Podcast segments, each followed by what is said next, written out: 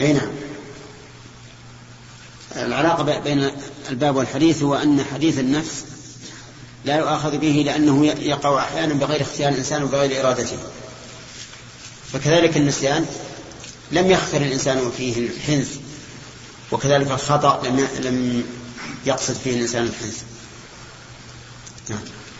حدثنا عثمان بن الهيثم أو محمد عن عن ابن جريج قال سمعت ابن الشهاب يقول حدثني عيسى بن طلحة أن عبد الله بن عمرو بن العاص حدثه أن النبي صلى الله عليه وسلم بينما هو يخطب يوم النحر إذ قام إليه رجل فقال كنت أحسب يا رسول الله كذا وكذا. ثم قال آخر فقال يا رسول الله كنت أحسب كذا وكذا لهؤلاء الثلاث. فقال النبي صلى الله عليه وسلم افعل ولا حرج لهن كلهن يومئذ. فما سئل يومئذ عن شيء إلا قال افعل افعل ولا حرج. حدثنا أحمد بن يونس قال حدثنا أبو بكر عن عبد العزيز بن رفيع عن عطاء عن ابن عباس رضي الله عنهما قال قال رجل للنبي صلى الله عليه وسلم زرت قبل أن أرمي. قال لا حرج. قال أخر. قال آخر. أخر يا شيخ. قال آخر. حلقت قبل أن أذبح. قال لا حرج. قال آخر. ذبحت قبل أن أرمي قال لا حرج. نعم. هذه هذه الثلاثة التي أشار إليها في الحديث الأول. زرت قبل أن أرمي. زرت يعني طفت طواف الزيارة. قبل الرمي. يعني رمي جمرة العقبة. قال لا حرج.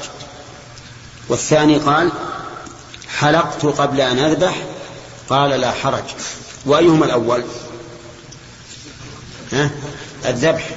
ولا تحلقوا رؤوسكم حتى يبلغ الهدي محله. قال لا حرج. قال آخر ذبحت قبل أن أرمي. ذبحت قبل أن أرمي. قال لا حرج. هذه هي الثلاث يعني ليس عليك إثم. هذا الحديث هذا اللفظ الحديث فيه مطلق. واللفظ الأول الحديث فيه مقيد. الحديث فيه مقيد. حديث عبد الله بن عمرو بن العاص مقيد أحسب كذا. لكن الحديث الأول فيه افعل ولا حرج ولم يقل ولا تعد فدل هذا على أن الترتيب بين هذه الأفعال ليس على سبيل الوجوب وإنما هو على سبيل الاستحباب. نعم. نعم. أن الرجل يعني بنيته عقد حلف ما يكلف نية فقط لا بس هو لو كان هذا مراده هذا مراد صحيح هذا يدل عليه الحديث لكن الترجمة ما تتناسب مع هذا. الترجمة إذا حنث.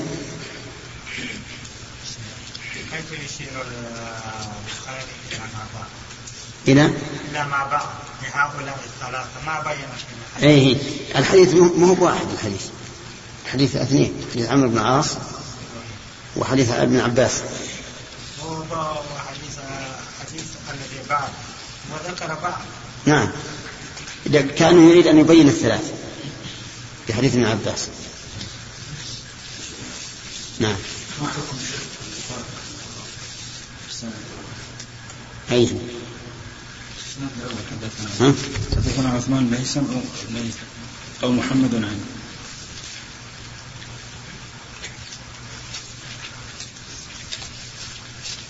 كأنه نسي. الله أعلم أنه نسي. هل تلقى الحديث من أبي هيثم أو من محمد عنه؟ لكن وش حكمه؟ هذا لا يضر. لا يضر لأن, لأن الغاية هو أبو الهيثم. ما يضر. نعم. كلاهما ثقة نعم. حدثني إسحاق بن منصور قال حدثنا أبو أسامة قال حدثنا عبيد الله بن عمر عن سعيد بن أبي سعيد عن أبي هريرة أن ما تكلم عليها الحافظ؟ بالشك مصطفى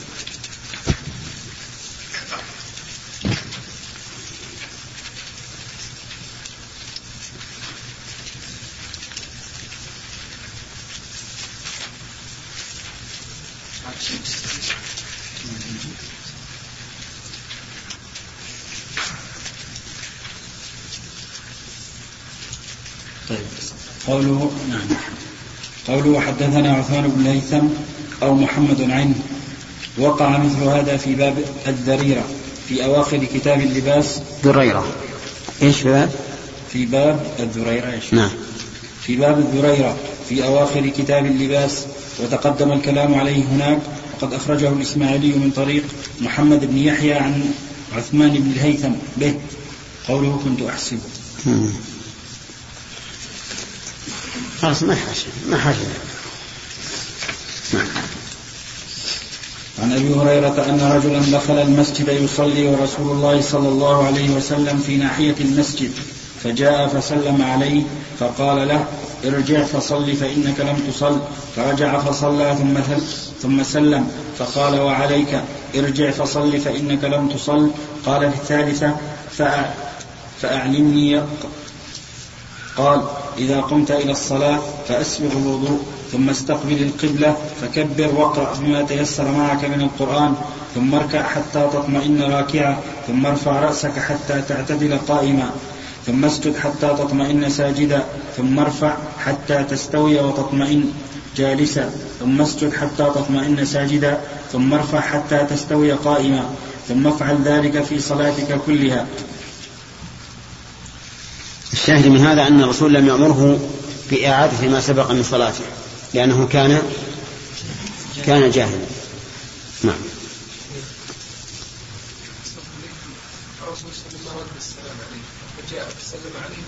لا في بس اللفظ هذا سياق الحديث. يقول سياق اللفظ هنا مختلف ولا في ألفاظ أخرى صرح بأنه رد عليه السلام.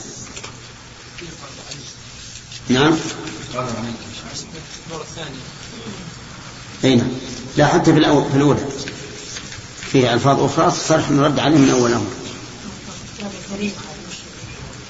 ذرية هذا نوع من الأطعمة. أظنه. حدثنا فروة بن أبي المغراء قال حدثنا علي بن مسهر عن هشام بن عروة عن أبيه عن عائشة رضي الله عنها قالت هزم المشركون يوم أحد أحد هزيمة تعرف فيهم. فصرخ إبليس أي عباد الله أخراكم. فرجعت أولاهم فاجتلفت هي وأخراهم فنظر حذيفة بن اليمان فإذا هو بأبيه فقال أبي أبي. قالت فوالله من ما أنجزوا حتى قتلوه. إيش ما؟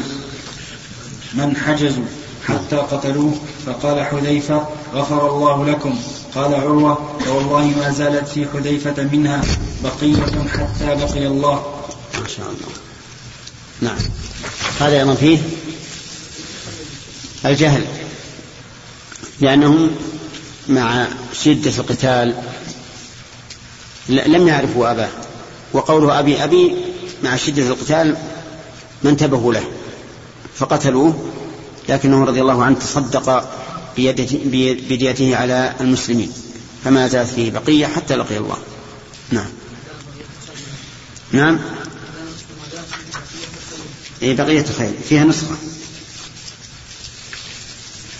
نعم.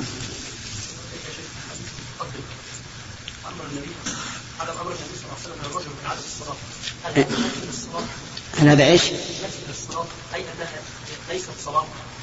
لم تصلي يعني لم تصلي صلاة تجزئك نعم نعم ها؟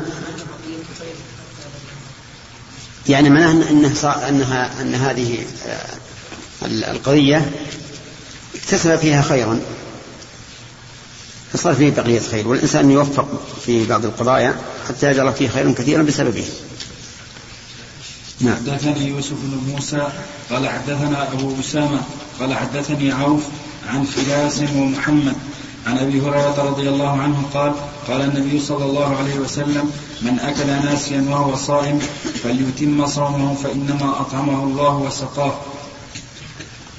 نعم. هذا فيها العفو عن النسيان. في فريضة من فرائض الإسلام في الصيام فكذلك الحنث في اليمين من باب أولى. نعم. حدثنا آدم بن أبي إياس قال حدثنا والصحيح أيضا أن أن أن النسيان أو الجهل معفو عنه حتى في الطلاق.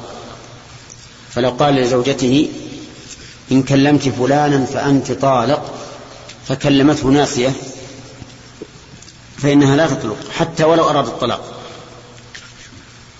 وكذلك لو كلمته جاهلة فإنها لا تطلق ولو أراد الطلاق. وأما إذا أراد, إذا أراد اليمين فهي يمين كما هو معروف. نعم. نعم. في؟ نعم نعم.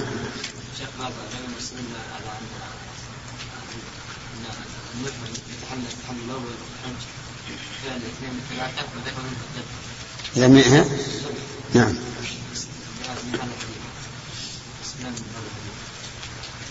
كيف يصلح من ثلاثة يعني معناه إذا نحر ورمى.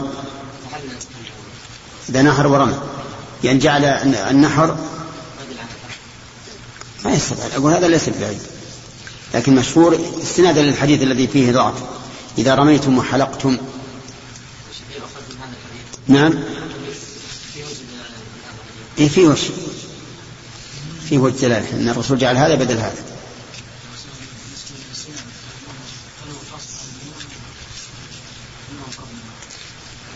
في خلاف بين أهل العلم.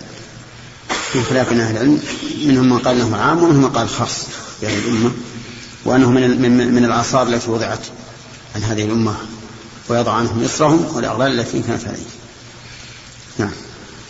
حدثنا آدم بن أبي إياس قال حدثنا ابن أبي ذئب عن الزهري عن الأعرج عن عبد الله بن بحينة قال صلى بنا النبي صلى الله عليه وسلم فقام في الركعتين الأوليين قبل أن يجلس فمضى في صلاته فلما قضى صلاته انتظر الناس تسليمه فكبر وسجد قبل أن يسلم ثم رفع رأسه ثم كبر وسجد ثم رفع رأسه وسلم.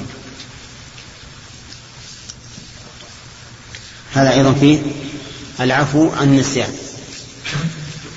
وذلك أنه ترك واجبا من واجبات الصلاة لكن لما كان نسيانا جبره سجود السهو.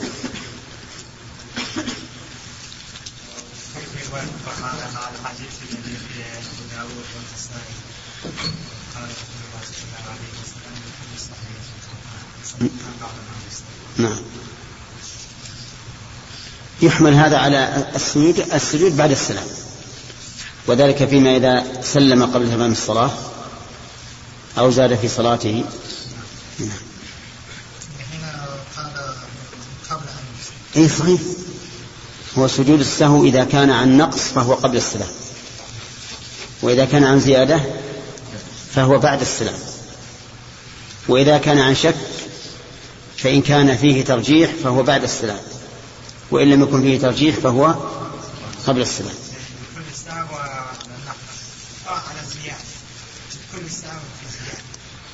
لكل سهو في الزيادة نعم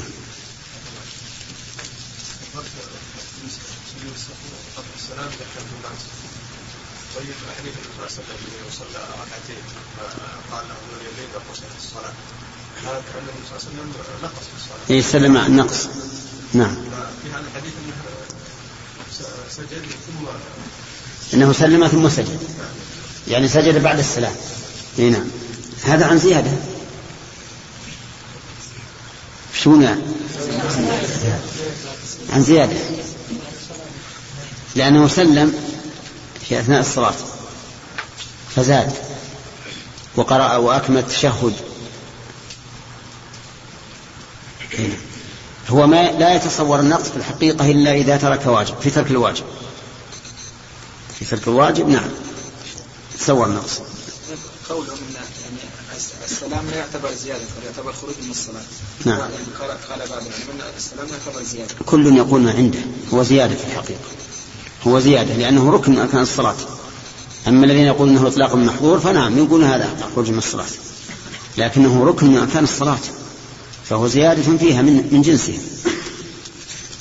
حدثني إسحاق بن إبراهيم أنه سمع عبد العزيز بن عبد الصمد قال حدثنا منصور عن إبراهيم عن علقمة عن ابن مسعود رضي الله عنه. في جماعة من الأمريكان اللي أسلموا من الجنود. الآن زارونا تحبون نجلس معهم ولا؟ ها؟ طيب. الحمد لله والصلاة والسلام على رسول الله. قال البخاري رحمه الله تعالى باب إذا حنث ناسيا في الأيمان. حدثني يوسف بن موسى قال حدثنا أبو أسامة قال حدثني عوف عن خلاس ومحمد عن أبي هريرة رضي الله تعالى عنه قال قال النبي صلى الله عليه وسلم من أكل ناسيا وهو صائم من أكل ناسيا وهو صائم. إيش؟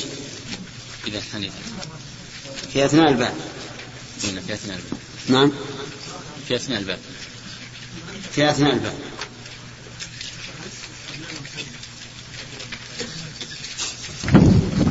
قال قال النبي صلى الله عليه وسلم من أكل ناسيا وهو صائم فليتم صومه فإنما أطعمه الله وسقاه. وحدثنا آدم ابن أبي إياس قال حدثنا ابن أبي ذئب. الشاهد من هذا قوله من أكل ناسيا فإنه يدل على أن الإنسان إذا حنث ناسيا في الأيمان فلا كفارة عليه لأنه إذا رفع عنه الإثم وفساد الصوم فإن الحنث من باب أولى وهو كذلك. فلو قلت والله لا أكلم زيدا فكلمته ناسيا فلا كفارة عليه لكن لا تكلمه مرة ثانية متعمدا. نعم. حدثنا آدم حدثنا آدم بن أبي إياس قال حدثنا ابن أبي ذئب عن الزهري عن الأعرج عن عبد الله بن بحينة قال صلى بنا النبي صلى الله عليه وسلم فقام في الركعتين الأوليين قبل أن يجلس. فمضى في صلاته فلما قضى صلاته انتظر الناس تسليمه فكبر وسجد قبل أن يسلم ثم رفع رأسه ثم كبر وسجد ثم رفع رأسه وسلم. وحدثني إسحاق بن إبراهيم أنه سمع عبد العزيز بن عبد الصمد قال حدثنا منصور عن إبراهيم عن علقمة عن ابن مسعود رضي الله عنه أن نبي في هذا أيضا أن الإنسان إذا نسي وترك واجبا من واجبات الصلاة فإن صلاته لا تبطل ولكن عليه عليه سجود السهو ويكون عبد الله. أي قبل السلام. كذا؟ إذا إذا ترك واجبا من واجبات الصلاة سهوا فصلاته صحيحة ويسجد للسهو قبل السلام. هذه قاعدة. نعم. حدثني إسحاق بن إبراهيم أنه سمع عبد العزيز بن عبد الصمد قال حدثنا منصور عن إبراهيم عن علقمة عن ابن مسعود رضي الله عنه أن نبي الله صلى الله عليه وسلم صلى بهم صلى بهم صلاة الظهر فزاد أو نقص منها. قال منصور لا أدري إبراهيم وهم أم علقمة؟ قال قيل يا رسول الله أقصرت الصلاة أم نسيت؟ قال وما ذاك؟ قالوا صليت كذا وكذا. قال فسجد بهم سجدتين. ثم قال هاتان السجدتان لمن لا يدري زاد في صلاته أم نقص. فيتحرى الصواب فيتم ما بقي ثم يسجد سجدتين. هذا أيضا فيه دليل على أن من شك هل صلى ثلاثا أم أربعا فإنه يتحرى الصواب. فيتم ما بقي ومن السلام منه السلام. يتم ما بقي يعني ويسلم ثم بعد ذلك يسجد سجدتين. وعليه نأخذ من هذا قاعدة في باب سجود السهو. أن الإنسان إذا شك في عدد الركعات وتحرى الصواب وبنى عليه فإنه يسجد متى؟ يسجد بعد السلام. أما موضوع الحديث فإنه قد ثبت من غير شك أن النبي صلى الله عليه وسلم صلى خمسا. ولما سلم قيل له أزيد في الصلاة؟ قال وما ذاك قالوا صليت خمسا. وهو صريح. والشك هنا إما من إبراهيم أو من علقمة لكن غيرهم لم يشك. أن الرسول صلى خمسا فسجد السجدتين بعد ما سلم. نعم. إذا أراد أن يتحرى صواب هل الصواب ما يترجح عنده أو الصواب الأقل؟ لا الصواب ما يترجح عنده. لأن كلمة يتحرى يدل أنه يعمل بالراجح. أما إذا لم يكن إذا لم يمكن التحري فهنا يأخذ بالأقل. إذا استدل الناس بعض الناس إذا زاد الإمام الركعة الخامسة فإنه يكمل معه ثم يخبره بعد الصلاة يعني يقول فعل الرسول صلى الله عليه وسلم هذا ولم ينكر عليهم أن أن زادوا ولم ينبهوا نعم. وقد تأخير البيان. نقول هذا استدلاله صحيح. استدلاله صحيح. ولكن بشرط أن يكون نبيا يوحى إليه. لكن الشيخ يقول يعني واضح ولا لا؟ أي. فهل يمكن هذا؟ في عهد الرسول صلى الله عليه وسلم يمكن النسخ ولهذا قالوا أزيد في الصلاة. شكوا. لعله زيد فيها شرعا. أما حسا فقد زاد. كما قال ذو اليدين يا رسول الله أنسيت أم وصلت الصلاة. لكن في عهدنا الآن ما ما يمكن يزاد لكن شيخ قال يعني أن الرسول صلى الله عليه وسلم يعني ما أنكر عليهم لأنهم نعم مجتهدون. هل رأيت لو كان في احتمال أن- أنها زيادة الصلاة؟ يجوز أن يتأخروا؟ لا. ما يجوز. إذا ما دام في احتمال الزيادة شرعا لا يسعهم إلا أن يتابعوا الرسول صلى الله عليه وسلم. ينبئهم مثلا صار يعني معروف ما يحتاج تنبئة هذا يعني من المعلوم أن الصلاة أربع لا, لا يمكن أن تزال. نعم. نعم. لمن لا زاد صلاة أم نقص إيش؟ هذا من كلام النبي صلى الله عليه وسلم. نعم. ثم قال هاتان السجدتان لمن لا يدري. زاد في صلاته أم نقص هذا مروي بالمعنى. هذا مروي بالمعنى. يعني كيف؟ لأن أن الرواة كما الآن كما ترى في هذا السياق فيه شك الآن هل زاد أو نقص؟ فكأن الراوي لم يضبط ولذلك رواه بالمعنى وقال هذا السجدتان لمن لا يدري أزاد أم نقص. يعني هذا الكلام هو من كلام النبي صلى الله عليه وسلم لا ما هو الظاهر الظاهر رواه بالمعنى رواه بالمعنى يعني لا, باللفظ لأن اللفظ الذي في غير السياق ما قال رسول الله قال إذا شك أحدكم في صلاته فليتحرى الصواب ثم يدعي. ثم يبني عليه. نعم. حدثنا الحميدي قال حدثنا سفيان قال حدثنا عمرو بن دينار قال أخبرني سعيد بن جبير قال قلت لابن عباس رضي الله عنه فقال حدثنا أبي بن كعب رضي الله عنه أنه سمع رسول الله صلى الله عليه وسلم يقول قال لا يقول في قوله تعالى قال لا تؤاخذني بما نسيت ولا ترهقني من أمر عسرا قال كانت الأولى من موسى نسيانا. نعم.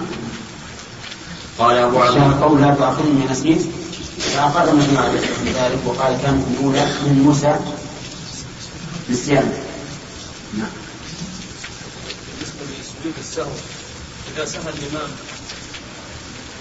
فهو قرأ سجدة التلاوة وركع فسهى المأمومين منهم من سجد ثم بعد نهاية الصلاة منهم من جاء بثالثة منهم من سجد سجود السهو.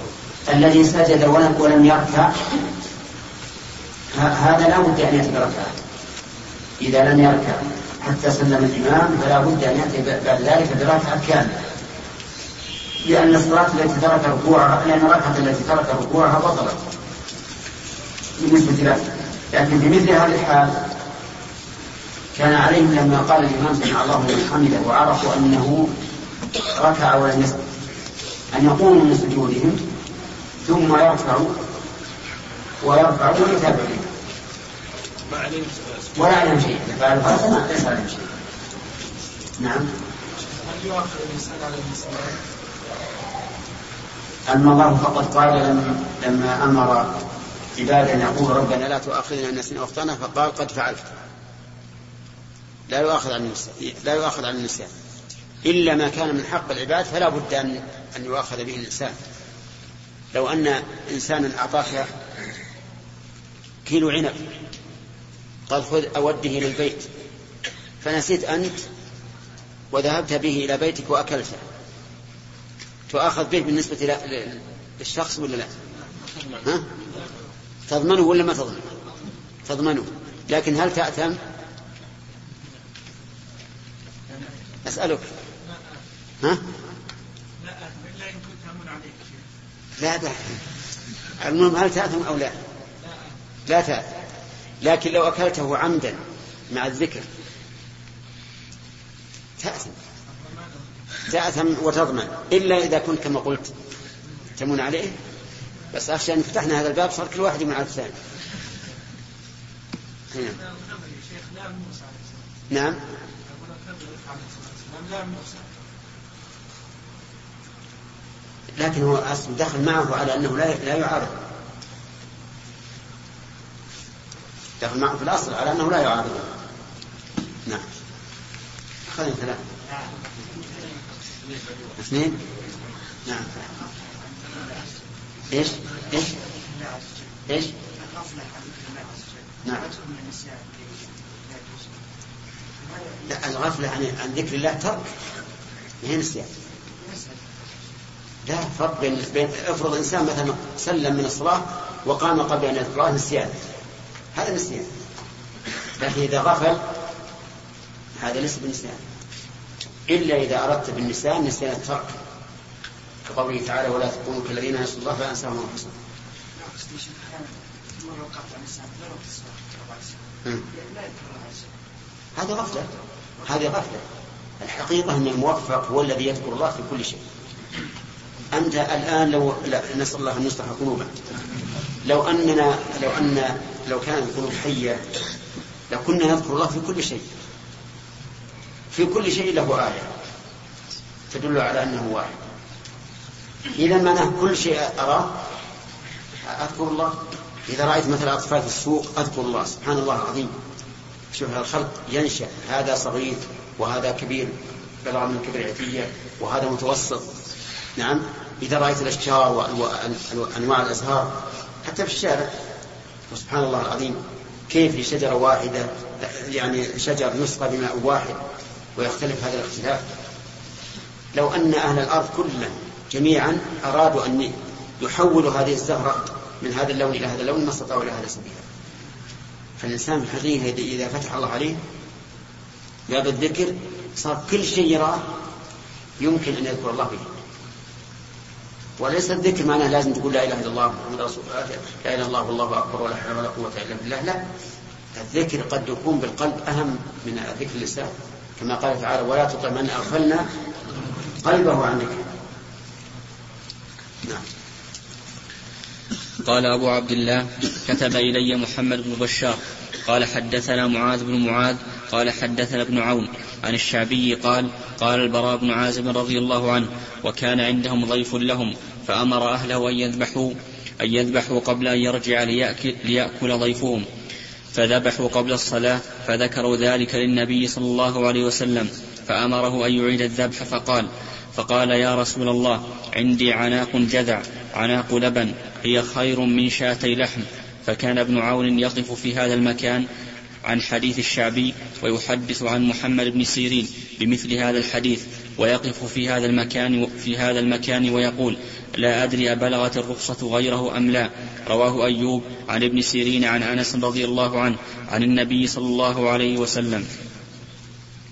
وحدثنا سليمان بن حرب قال حدثنا شعبة عن الأسود بن قيس قال سمعت جندبا قال شهدت النبي صلى الله عليه وسلم صلى يوم عيد ثم خطب ثم قال من ذبح فليبدل مكانها ومن لم يكن ذبح فليذبح بسم الله. نعم.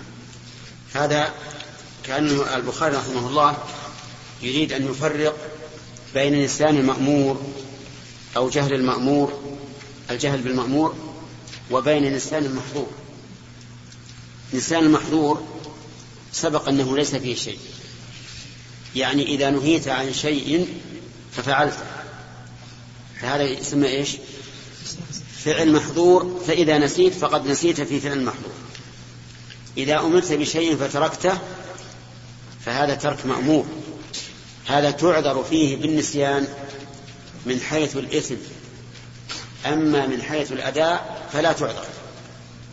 ولهذا لو سلمت من ركعتين ناسيا فلا إثم عليك. ولكن يجب عليك أن تتمم.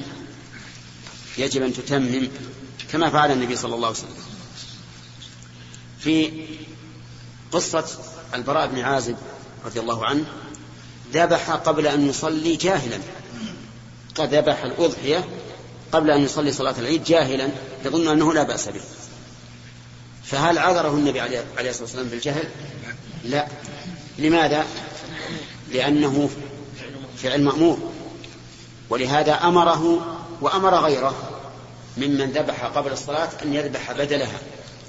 ونظير ذلك لو صليت قبل دخول الوقت جاهلا ثم تبين لك أن الوقت لم يدخل وجب عليك إعادة الصلاة. أما آه هذه الحديث فيقول إن عنده عناق جذع فاستأذن النبي صلى الله عليه وسلم أن يذبح العناق بدل عن عن الشاة. والعناق هي الصغيرة من أولاد المعز. فقال النبي عليه الصلاة والسلام تجزئ عنك ولا تجزئ عن أحد بعدك. تجزئ عنك ولا تجزئ عن أحد بعدك. أكثر أهل العلم على أن هذا من الخصيصة الشخصية يعني أن إجزاء العناق خاص بهذا الرجل شخصيا وأن غيره لا يحل له أن يذبح عناقا لأنها لم تتم السن الواجب. وقال شيخ الإسلام رحمه الله إنه ليس في الشريعة تخصيص شخصي بل إنما الأحكام تتبع المعاني والأوصاف. فإذا وجدت المعاني والأوصاف الموجبة لهذا الحكم ثبت الحكم. حتى خصائص النبي عليه الصلاة والسلام لم تكن خصائص له شخصية. بل هي خصائص معنوية بصفته رسولا بصفته نبيا عليه الصلاة والسلام. خصه الله بخصائص اقتضاها هذا الوصف. فهذا الرجل الذي أذن له النبي عليه الصلاة والسلام بذبح العناق يقول شيخ الإسلام رحمه الله لو أن شخصا حصل له مثل ما حصل لهذا الرجل قلنا لا بأس. لو أن رجلا جاهلا ذبح أضحيته قبل الصلاة وكان عنده عناق فأراد أن يذبحها بدلا عن التي ذبحها في الأول. قلنا له إنها تجزئ عنك. ولو أراد أحد أن يذبح هذه العناق ابتداء لقلنا لا تجزئ. لماذا؟ لقول النبي صلى الله عليه وسلم لا تذبحوا إلا مسنة إلا أن تعصر عليكم فتذبحوا جذعة من الضأن. فالعناق ليست مسنة. فلا تجزي. لكن تجزي عن هذا الرجل الذي ذبح شاته بالأول وشاته مجزئة. لكن ذبحها قبل الوقت وأراد أن يعيد الأضحية بعد في وقتها فأذن له الرسول عليه الصلاة والسلام. وما ذهب إليه شيخ الإسلام رحمه الله هو الصحيح. أي أن أنه لا شيء في الشريعة يعطى للشخص نفسه.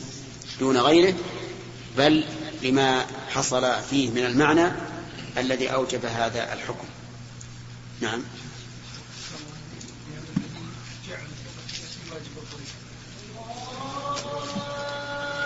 ما هو لازم أقول ربما تقديمه إياها يواجب الضيف. ليس أصل وجهه الرحمن الرحيم. الحمد لله والصلاة والسلام على رسول الله. قال البخاري رحمه الله تعالى باب اليمين الغموس. وقول الله تعالى ولا تتخذوا أيمانكم دخلا بينكم فتزل قدم بعد ثبوتها وتذوقوا السوء بما صددتم عن سبيل الله ولكم عذاب عظيم. دخلا مكرا وخيانة.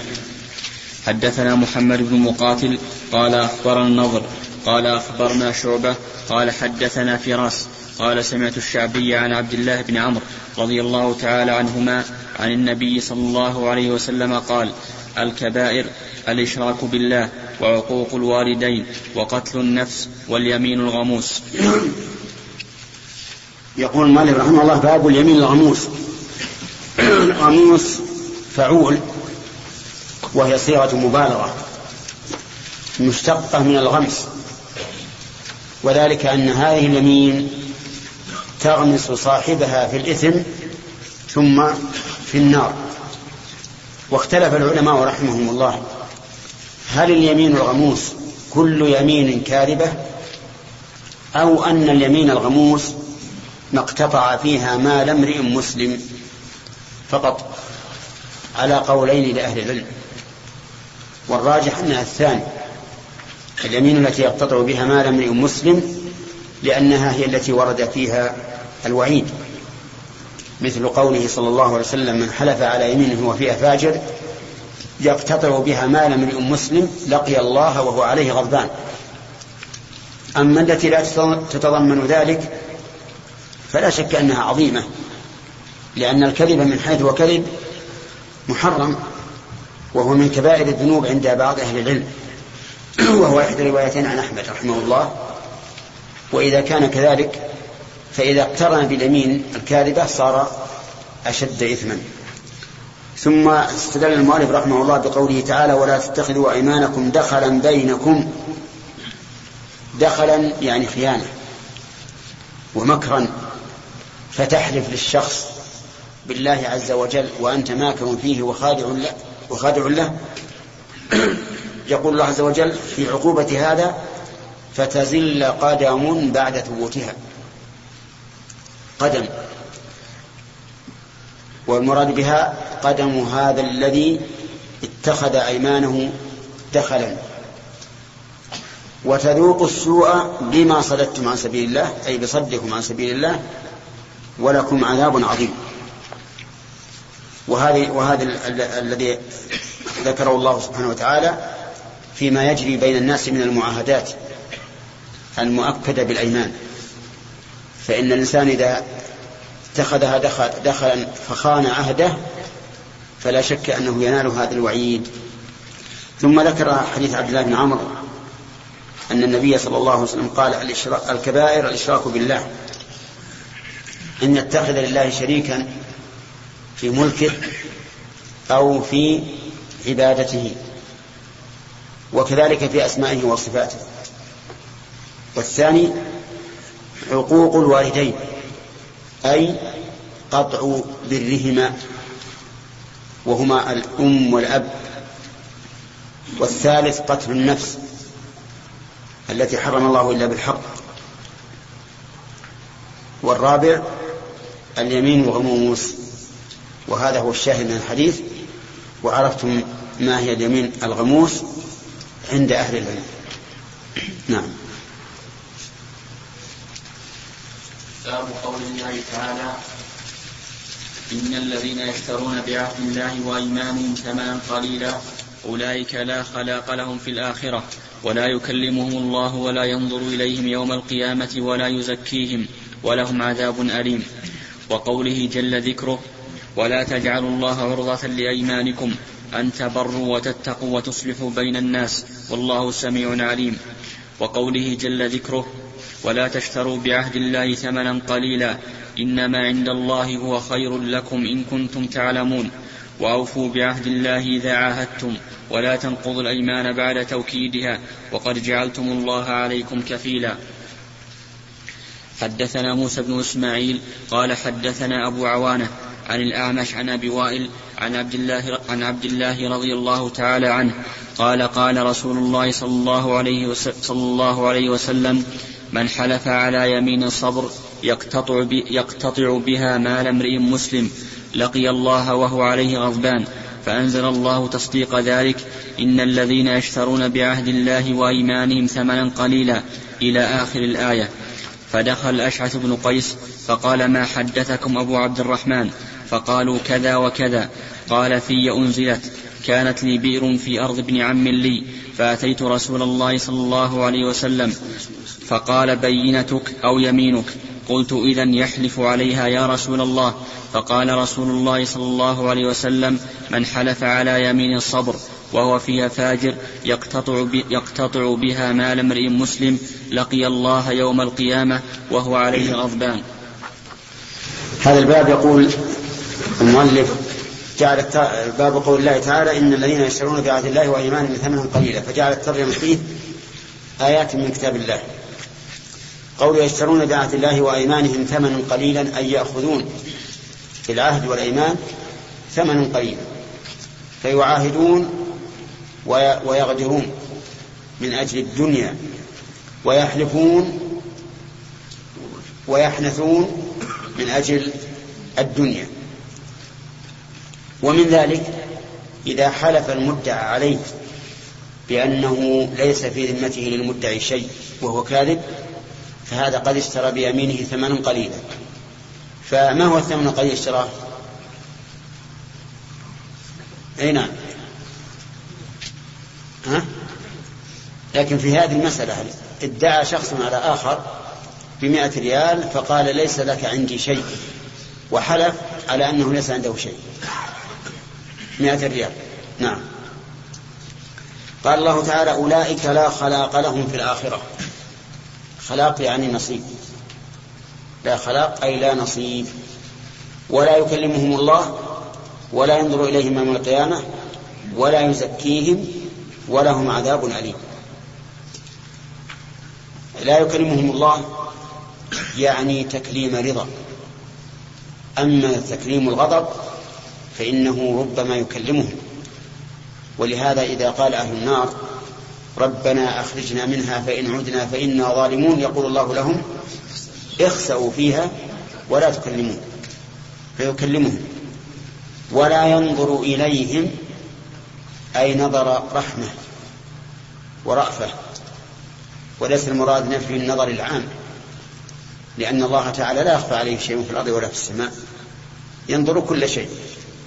لا ينظر إليهم نظر رحمة ورأفة ولا يزكيهم أي لا يجعلهم من من الزاكين لأنهم ليسوا أهلا لذلك فليس عندهم زكاة. وبانتفاء هذه الأشياء لا خلاق ولا كلام ولا نظر ولا تزكية أتى بعد ذلك بالأمر, بالأمر الثبوتي فقال ولهم عذاب أليم. فهذا هذا وعيد والعياذ بالله من اشترى بعهد الله ويمينه ثمنا قليلا. وفي حديث أبي ذر المشهور أن النبي صلى الله عليه وسلم قال ثلاثة لا يكلمهم الله يوم القيامة ولا ينظر إليهم ولا يزكيهم ولهم عذاب أليم. قالها ثلاثا. فقال أبو ذر خابوا وخسروا يا رسول الله من هم؟ قال المسبل والمنان والمنفق سلعته بالحلف الكاذب. المنفق يعني المروج أو, أو, أو الذي يزيد في ثمن سلعته بالحلف الكاذب. فهذا ممن اشترى بأيمانه ثمنا قليلا. قال وقوله جل ذكره ولا تجعلوا الله عرضة لأيمانكم أن تبروا وتتقوا وتصلحوا بين الناس. والله سميع عليم. لا تجعلوا الله عرضة لأيمانكم أن تبروا أي لا تجعلوا الحلف بالله عرضة لأيمانكم أن تبروا يعني إذا حلفتم على بر فلا تجعلوا هذا اليمين مانعا لكم من البر والتقوى والإصلاح بين الناس. مثاله قال والله لا أصلي الضحى اليوم. ثم قيل له صل. قال قد حلفت. ماذا نقول له؟ نقول لا تجعل الله عرضة لأمانك. أن تبر افعل البر. وتتقوا. قال والله لأفعلن كذا وكذا. والله يقول والله لأشربن الخمر. والله لأشربن الخمر. فقيل له اتق الله لا تشرب. قال قد حلفت. ماذا نقول له؟ نقول لا تجعل الله عرضة ليمينك أن تتقي الله. اتق الله لا, لا, لا تمنعك اليمين من التقوى. وتصلح بين الناس. جاء رجل لآخر وقال له سمعت أن بينك وبينك وبين فلان خصومة. هل لعلك تصلح مع الرجل فالصلح خير. قال إيه ارجع وراءك. ما لك تدخل بيننا فقال والله لا أصلح بينهما. والله لا أصلح بينهما. ثم جيء لهذا الحالف وقيل له أما علمت يا فلان أن بين فلان وفلان مشاحة. أصلح بينهما.